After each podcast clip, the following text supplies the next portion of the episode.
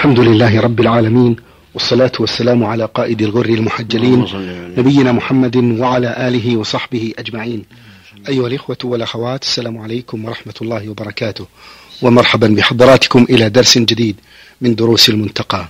ضيف اللقاء هو سماحة العلامة الشيخ عبد العزيز بن عبد الله بن باز المفتي العام للمملكة العربية السعودية ورئيس هيئة كبار العلماء.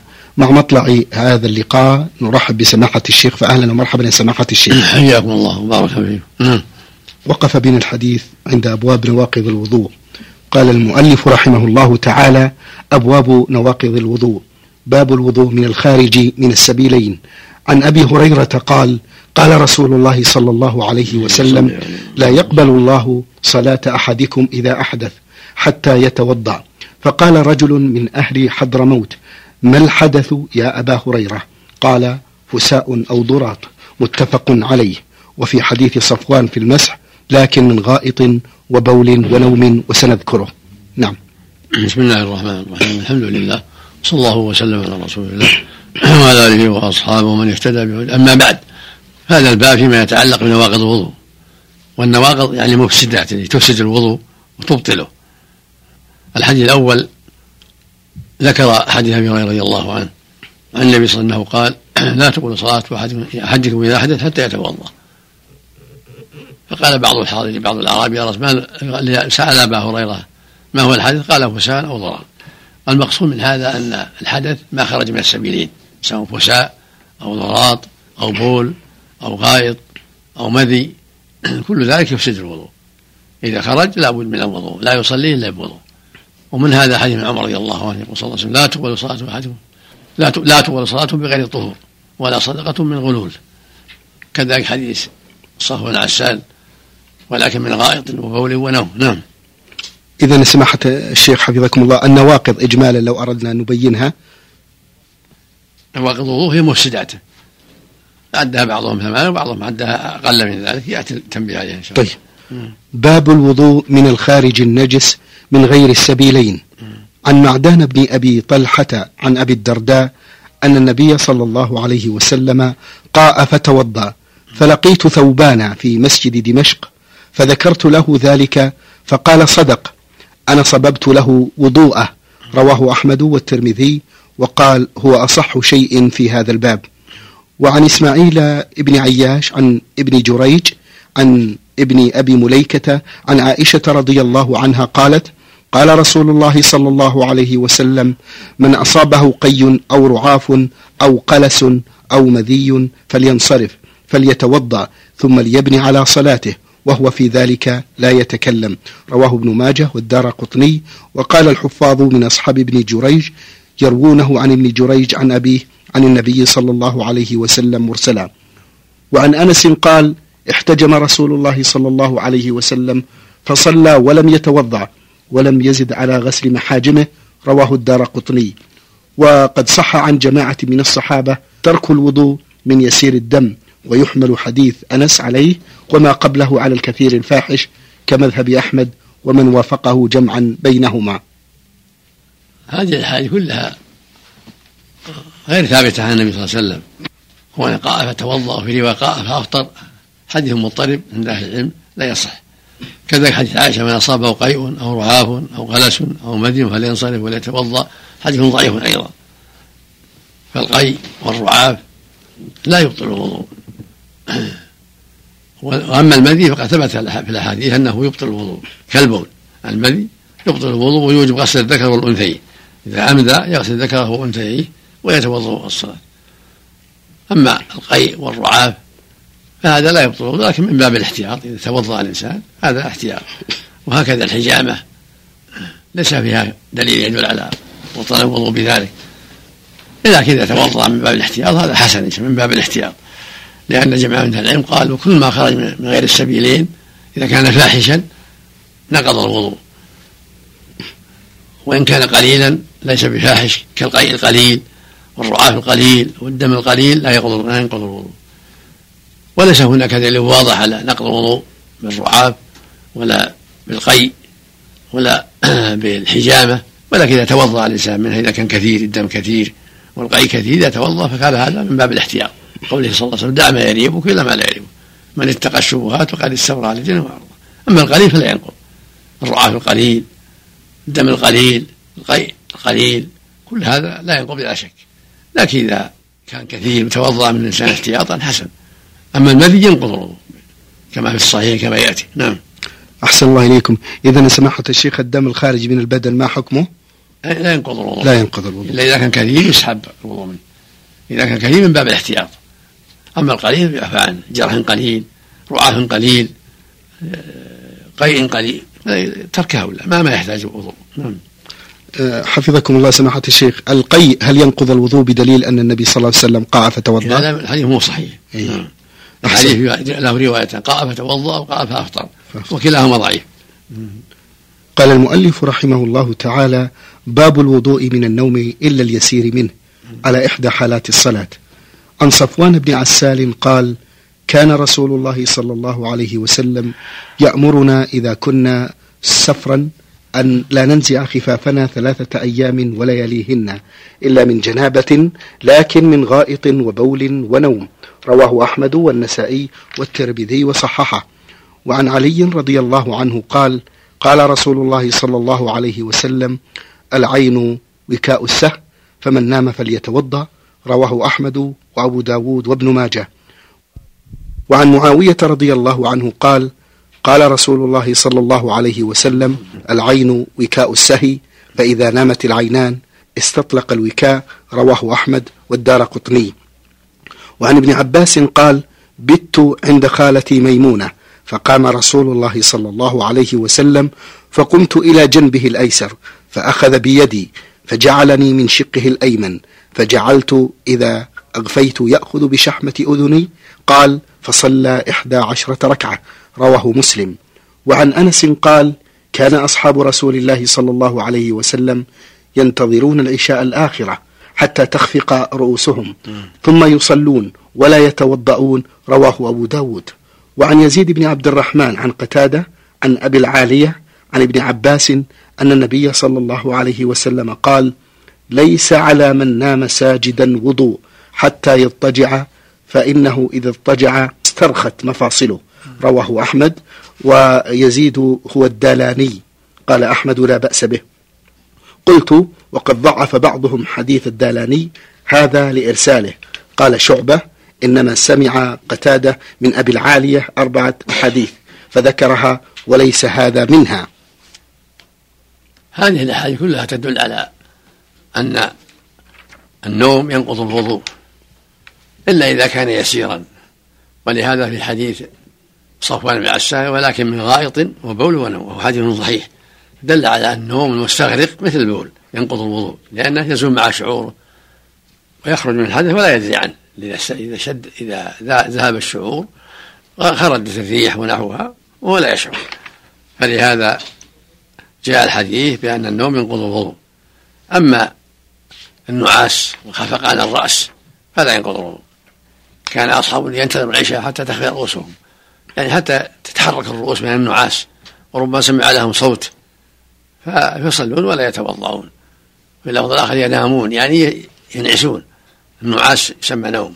فهذا كله لا الوضوء إلا إذا استرق أما حديث ليس على ما لا, لا ينقض الوضوء إلا إذا نام مضطجعا. وهذا حديث ضعيف. إنما النوم إذا استغرق ولو مو مضطجع ولو جالس. إذا استغرق في نومه أو نام وهو ساجد نوم ذهب بشعوره ينتقل الوضوء. أما النعاس والخفقان اللي يعرض الإنسان هذا يعفى عنه كما فعله الصحابة رضي الله عنهم وأرضاهم وكما لم ينكر عليهم النبي عليه الصلاة والسلام. قوله السهي حلقة الدبر العين الوكاء والسهي حلقة الدبر. فإذا نمت العينان استطق الوكاء. يعني انفتح الدبر لخروج الريح. فالحاصل أن النوم اليسير وخفقان الرأس والنعاس لا ينقض الوضوء. أما إذا استغرق النوم وذهب الشعور فإنه ينتقض الوضوء سواء كان جالسا أو مضطجعا لحديث من لحديث صفوان قوله صلى الله عليه وسلم ولكن من غائط وبول ونوم نعم. حفظكم الله سماحة الشيخ هل النوم ناقض أم هو مظنة الحدث؟ مظنة النوم مظنة الحدث مظنة يعني مثل مثل مثل ما لو شعر لو نعم. ذهب شعوره بذهب عقله مثل لو أصابه جنون أو سكر أو سكر تنقل ينتقل لأن ما ظنت خروج الحدث وهو لا يشعر. فإذا ذهب عقله بنوم أو سكر أو علة أخرى بطل وضوءه. نعم. طيب إذا زال العقل بالجنون هل يبطل الوضوء؟ سمعت الشيخ؟ نعم. إذا عدا عليه عقله يتوضأ. ما حكم من زال عقله بالبنج؟ مثله. مثله. إذا كان ما بدل العقل نعم. النوم اليسير حكمه يا شيخ؟ النعاس يغتفر إيه؟ مثل ما كان ابن عباس مع النبي صلى الله عليه وسلم ينعس فيغمسه إذنه حتى ينتبه. وكما كان الصحابة ينتظرون وينعسون والنبي يصلي بهم عليه الصلاة والسلام. صلى الله عليه وسلم. هل هناك ضابط في ذلك؟ سماحه الشيخ؟ الضابط هو ذهاب الشعور. إذا عرف من نفسه إيه؟ أن ذهب شعوره ولا بقي له إحساس ينتقض الوضوء أما ما دام يعتقد أنه نعاس وخفق عن راس وليس شعوره ذاهبا بل يحس بمن حوله من القراء وغيرهم فصلاته صحيحة. حفظكم الله. سماحة الشيخ بالنسبة للمتكي وغير المتكي هل يفرق بينهم؟ سواء. سواء. لكن المضطجع والمتكي أقرب إلى يعني خروج الحدث منه. ولكن بكل حال ما دام ينعس فلا يضر. إنما يضره إذا ذهب عقله بالكلية وعرف أنه ما, ما يحس بمن حوله. حفظكم الله. ذهب شعوره يعني. نعم. بالنسبة لحديث ابن عباس سماحة الشيخ هل يدل على عدم صحة وقوف المأموم عن يسار الإمام؟ نعم. الواجب أنه يقف عن يمينه إذا كان واحد عن يمينه ولهذا أدار النبي ابن عباس عن يمينه لكن لو صلى عن يساره صحت صلاته لأن النبي صلى الله عليه وسلم لم, لم يأمر ويعيد تكبيرة الإحرام وإنما أداره فقط. فدل على أن صلاته انعقدت وصحت لكنها دار حتى يكون عن يمينه فالسنة أن يكون المأموم عن يمين الإمام إذا كان واحدا. حفظكم الله سماحة الشيخ. بعض الناس خاصة في صلاة الفجر إذا سجد ربما غفى قليلا. ما حكم الطهور والصلاة في مثل هذه؟ الصلاة الصحيحة إلا إذا علم أنه ذهب شعوره بالكلية. نعم. نام نوم مستغرق. ولا في الأصل أنه نعس. أه، حفظكم الله أخيرا سماحة الشيخ. إذا نام المرء ولا يدري هل هو يسير أم كثير فما الذي يغلب؟ الأصل يسير. الأصل عدم انتقاض الوضوء. الأصل سلامة الوضوء. حتى يعلم ويطمئن أنه نام نوما يزيل شعوره. وإلا فالأصل السلامة كما فعله الصحابة رضي الله عنهم. أحسن الله إليكم. قال المؤلف رحمه الله تعالى باب الوضوء من مس المرأة. قال الله تعالى أو لامستم النساء فلم تجدوا ماء فتيمموا قرئ أو لمستم.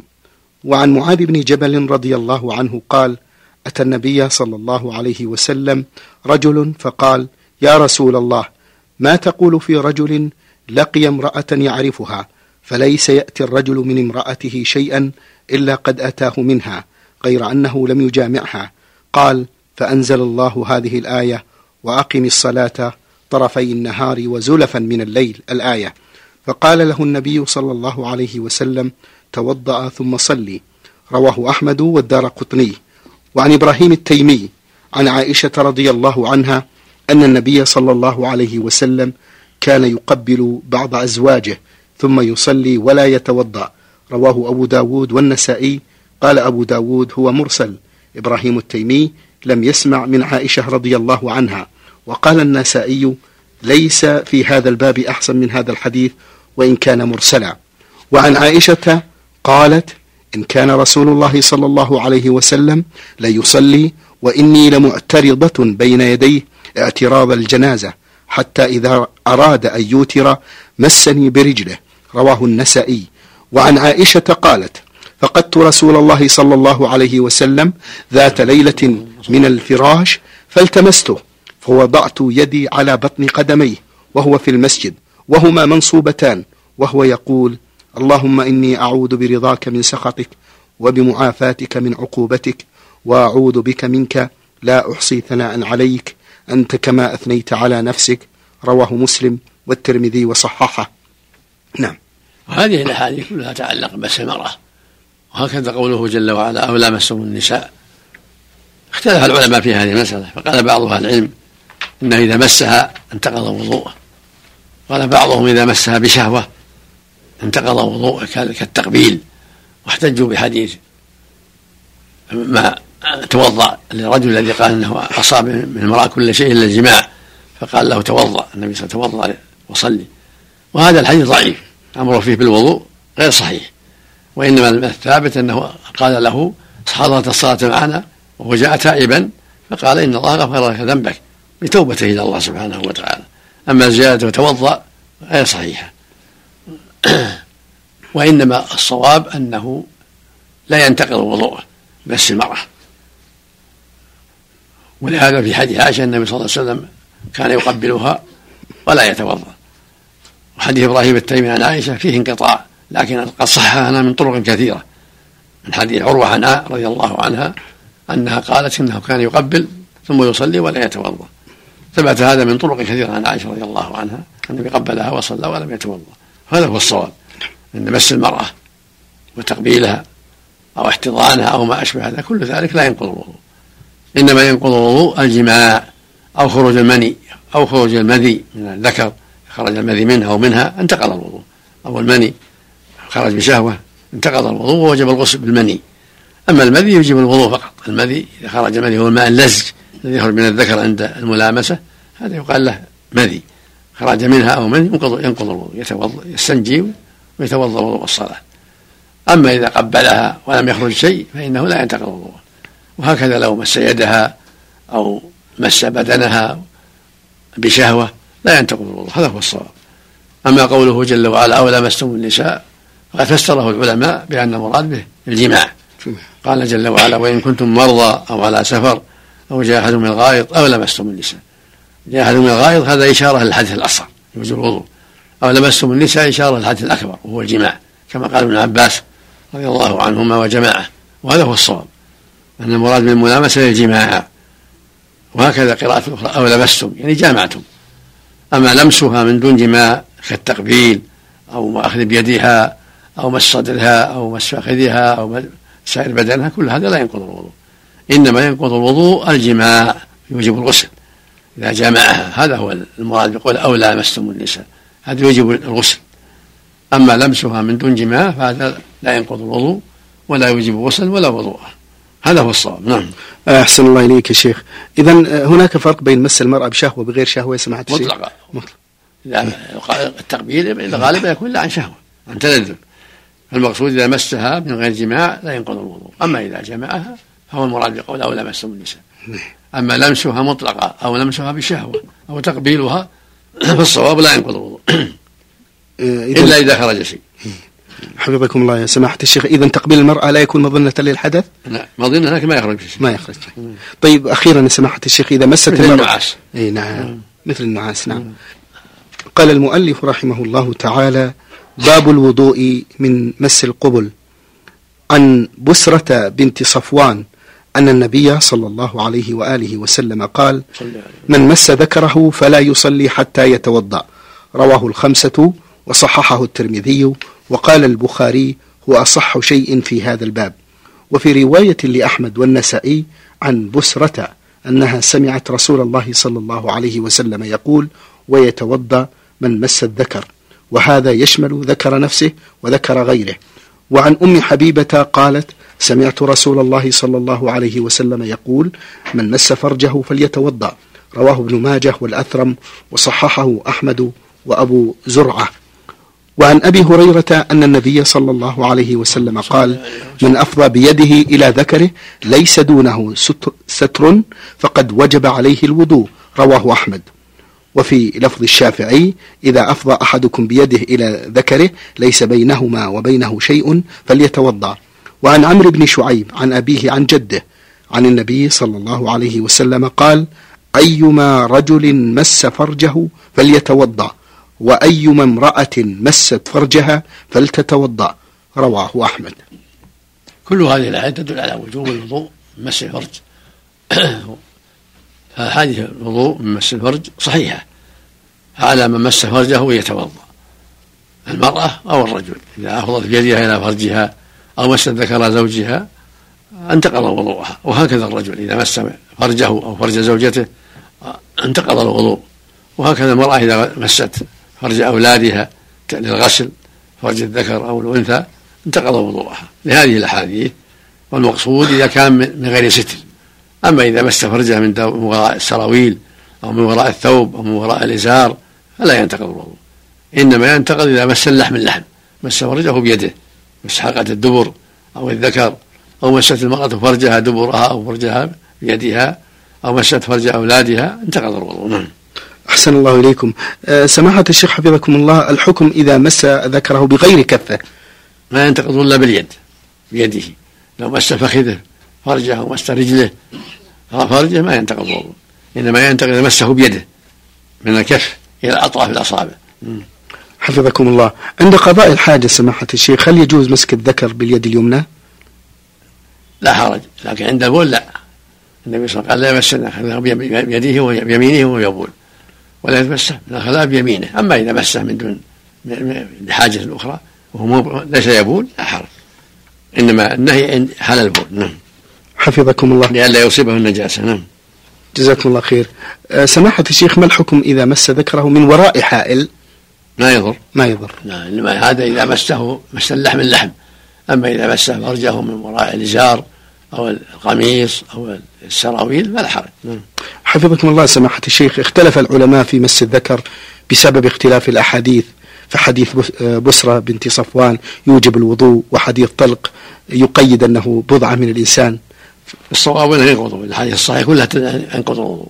أما حديث بس حديث طلق بن علي هو حديث منسوخ أو شاهد مخالف للأحاديث الصحيحة إنما هو بضعة منك. والأقرب أنه منسوخ أنه كان في في بعض الروايات قدم في أول الهجرة. نعم؟ نعم الصحيح أنه منسوخ نعم. آه، حديث طلق منسوخ نعم. حديث طلق الذي فيه عدم الوضوء مس الذكر هو حديث منسوخ أو شاذ مخالف للأحاديث الصحيحة. فالحاصل أن العمل على الأحاديث التي فيها نقل الوضوء. نعم. حفظكم الله سماحة الشيخ. ما توجيهكم سماحة الشيخ؟ حفظكم الله وبارك فيكم. في من آه، فيما يراه بعض الفقهاء في ادعاء النسخ كلما تعارض عنده نصان. لا النص تعارض النص لا يكون إلا بعلم التاريخ إذا علم المتأخر من المتقدم ولم يمكن الجمع يقال بالنسخ نعم. بشرطين الأول تعذر الجمع والأمر الثاني علم التاريخ يعني المتقدم من المتأخر. فالمتأخر ينسخ المتقدم. أما إذا كان لا يعلم التاريخ أو أمكن الجمع وجب الجمع. فإذا ما أمكن الجمع ولم يعلم التاريخ يكون شاذ يكون الضعيف يكون الحديث الضعيف شاذ. والمخالف يكون شاذا والعبرة بالأصح. يقول كما قال أئمة الحديث في المصطلح. فإن خلف بأرجح فالراجح المحمود ومقابله الشاذ. عند اختلاف الأحاديث. إن أمكن الجمع بينها وجب الجمع. فإن لم يمكن الجمع لعدم علم التاريخ المتأخر ما متقدم أو لعدم إمكان الجمع فإنه يسلك مسلك الترجيح. فالراجح الذي سنده قوي هو المعتبر والمرجوح يكون سمى شاذا لا يعتبر. أحسن. الحديث طلق علي يسمى شاذا. نعم. وأخيرا المرأة إذا مست فرجها هل هي قياسا على الرجل؟ من من بيده لا فرج. عام المرأة والرجل. أحسن الله إليكم سمعتي قال المؤلف رحمه الله تعالى باب الوضوء من لحوم الإبل عن جابر بن سامرة أن رجلا سأل رسول الله صلى الله عليه وسلم أنا توضأ من لحوم الغنم؟ قال إن شئت توضأ وإن شئت فلا تتوضأ قال أنا توضأ من لحوم الإبل؟ قال نعم توضأ من لحوم الإبل قال أصلي في مرابض الغنم؟ قال نعم قال أصلي في, في مبارك الإبل؟ قال لا رواه أحمد ومسلم. وعن البراء بن عازب قال سئل رسول الله صلى الله عليه وسلم عن الوضوء من لحوم الإبل فقال توضأوا منها. وسئل عن لحوم الغنم فقال لا تتوضأوا منها. وسئل عن الصلاة في مبارك الإبل فقال لا تصلوا فيها فإنها من الشياطين. وسئل عن الصلاة في مرابض الغنم فقال صلوا فيها فإنها بركة رواه أحمد وأبو داود. وعن ذي الغرة قال عرض أعرابي لرسول الله صلى الله عليه وسلم ورسول الله صلى الله عليه وسلم يسير فقال يا رسول الله تدركنا الصلاة ونحن في أعطان الإبل أفنصلي فيها فقال لا. فقال أفنتوضأ من لحومها قال نعم. قال أفنصلي في مرابض الغنم قال نعم. قال أفنت أفنتوضأ من لحومها؟ قال لا. رواه عبد الله بن أحمد في مسند أبيه. قال إسحاق بن راهويه. صح في الباب حديثان عن النبي صلى الله عليه وسلم حديث جابر بن سمرة وحديث البراء هذه الأحاديث كلها تدل على أنه يجب الوضوء من لحوم الإبل ولا يجب من لحوم الغنم. فإذا أكل من لحم الغنم إن شاء توضأ وإن شاء ما النبي صلى الله عليه وسلم كان ربما أكل لحم الغنم ثم قام وصلى ولم يتوضأ. فالحاصل أن لحوم الغنم والبقر والصيود كلها لا توجب الوضوء. وإنما يوجب الوضوء لحوم الإبل خاصة. إذا أكل لحم الإبل وجب عليه الوضوء. أما الغنم والبقر والصيد بأنواعه كل هذا لا ينقض الوضوء ولا يوجب الوضوء. كذا معاطن الإبل لا يصلى فيها. أما معاطن الغنم ومرابضها فلا يصلى فلا بأس. النبي صلى الله عليه وسلم صلى في مرابض الغنم ونهى عن الصلاة في معاطن الإبل فمعاطنها التي تقف فيها وتبول فيها وتستريح فيها لا يصلى فيها. أما مبارك الغنم ومرابضها ومبيتها فيصلى فيه لأنها بركة كما قال صلى الله عليه وسلم. فالحاصل أن لحوم الإبل تنقض الوضوء ومعاطنها لا يصلى فيها. أما الغنم فلحومها لا تنقض الوضوء ومرابضها ومعاطنها لا بأس بالصلاة فيها. لهذه الأحاديث الصحيحة حديث البراء وحديث جابر بن سمرة. نعم. حفظكم الله سماحة الشيخ عبارة إن شئت. هل يدل على استحباب الوضوء؟ هذه رواية جابر. والنبي صلى الله عليه وسلم ربما توضأ وربما لم يتوضأ إيه؟ من لحوم الغنم وماسة النار. إن توضأ منه أفضل وإن لم يتوضأ فلا بأس.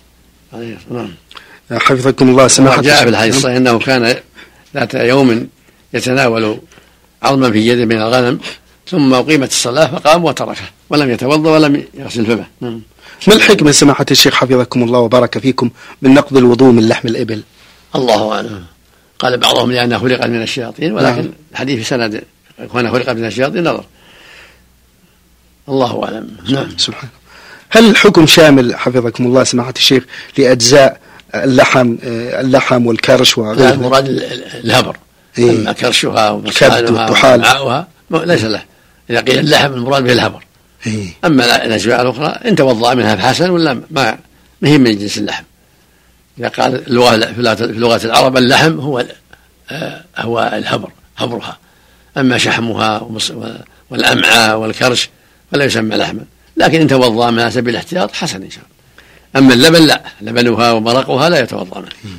اللبن والمرق لا يسمى لحما نعم. حفظكم الله سماحة الشيخ. أخيرا إذا مثل تناول لحمة صغيرة يا شيخ. مطلقة. إذا أكل من لحمها يتوضأ. أيوه. شكر الله لكم سماحة الشيخ وبارك الله فيكم وفي علمكم ونفع بكم الإسلام والمسلمين. أيها الإخوة والأخوات كان معنا في برنامج شرح كتاب المنتقى سماحة الشيخ عبد العزيز بن عبد الله بن باز المفتي العام للمملكة العربية السعودية ورئيس هيئة كبار العلماء. شكر الله لسماحة الشيخ على ما بين لنا. وفي الختام تقبلوا تحيات الزملاء من الإذاعة الخارجية فهد العثمان ومن هندسة الصوت سعد عبد العزيز خميس. والسلام عليكم ورحمة الله وبركاته.